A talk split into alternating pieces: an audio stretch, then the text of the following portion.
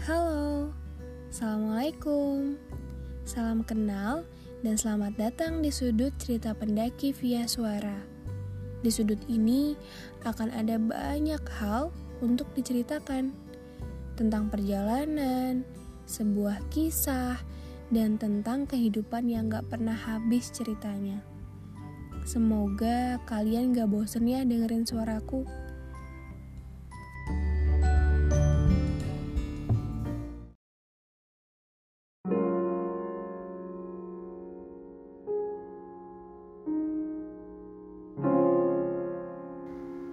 Kisah seorang pemuda yang tinggal di hiruk-pikuk perkotaan. Setiap hari, ia mengadu nasib di kota seorang diri. Sebut saja Halimun. Terbiasa hidup dan tumbuh sendiri di perkotaan, membuat Halimun merasa seperti seorang mesin butut yang bertugas hanya untuk bekerja.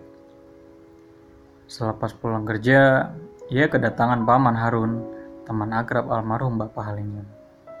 Ia pun menganggap beliau seperti pamannya sendiri. Malam itu, mereka mengobrol sampai larut malam. Halimun bercerita tentang kegiatannya yang belakangan ini membuat ia merasa jenuh. Tiba-tiba, raut wajah paman Harun berubah menjadi serius. Kamu tahu apa arti namamu? Tanya sang paman. Ya, itu nama gunung kan? Halimun menjawab dengan sedikit tertawa. Kamu belum pernah sana? Be belum. Coba kamu ke sana. Kamu pasti menemukan dirimu di sana. Paman pulang ya. Jelas sang paman sambil menepuk pundak Halimun hingga berjalan pulang. Halimun terdiam sambil mencerna perkataan sang paman. Lalu esokan harinya, Halimun pergi bekerja seperti biasa. Selama bekerja, Halimun terus memikirkan perkataan sang paman. Pikirannya semakin terusik, dan Halimun bergegas pulang. Dengan peralatan seadanya, Halimun memberanikan diri untuk mendaki ke Gunung Halimun. Singkat cerita, sampainya ia di sana, Halimun bergabung dengan empat orang yang akan mendaki. Di antara empat orang itu, ada satu orang yang memiliki senyum hangat dan dialah orang yang pertama kali ngajak Halimun berkenalan.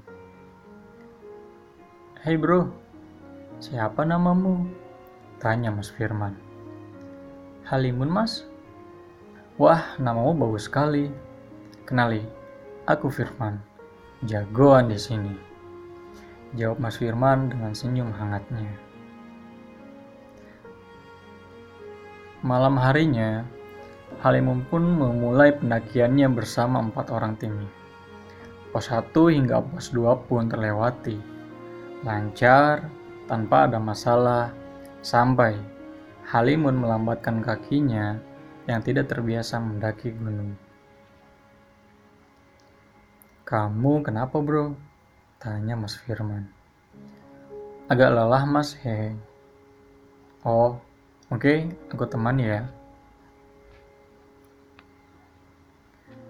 Sepanjang jalan, Mas Firman bercerita tentang kehidupan dan lawakan yang menurut Halimun sedikit garing, tapi Melihat gaya bicaranya, Halimun pun cukup terhibur.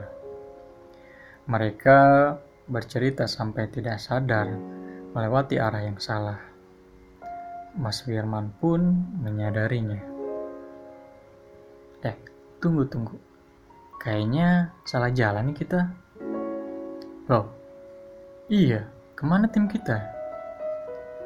Halimun pun mulai panik dan tidak menyadari dirinya menginjakan batu yang sangat licin, lalu tergelincir.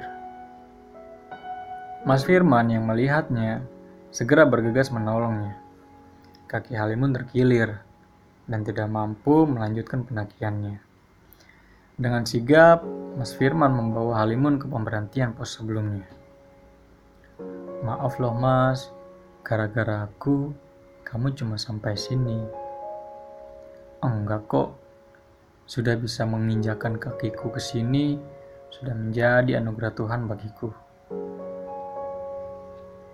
Sambil menunggu pertolongan tim, Halimun dan Mas Firman beristirahat di pos 2. Saat itu, Halimun merasa langit sangat menghibur dirinya.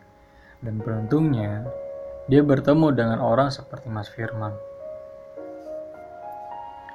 Pagi harinya, Halimun mendapat bantuan dan pulang ke rumahnya di kota. Melanjutkan hari seperti biasa sampai ia mendengar kabar Mas Firman sedang dilarikan ke rumah sakit karena penyakitnya. Halimun pun terkejut, sangat tidak percaya. Lalu ia pun menuju rumah sakit untuk melihat keadaan Mas Firman. Sesampainya di rumah sakit, ia melihat sosok yang mempunyai senyum hangat dan sangat penuh semangat. Namun, tetap terkulai lemas di kamar rumah sakit. Menyadari kedatangan Halimun, Mas Firman masih bisa tersenyum dan melambaikan tangan. Kemudian Halimun merasakan sesak di dadanya dan terdiam di lorong rumah sakit. Halimun teringat perkataan Mas Firman tentang bersyukurnya ia masih bisa menginjakan kakinya di Gunung Halimun.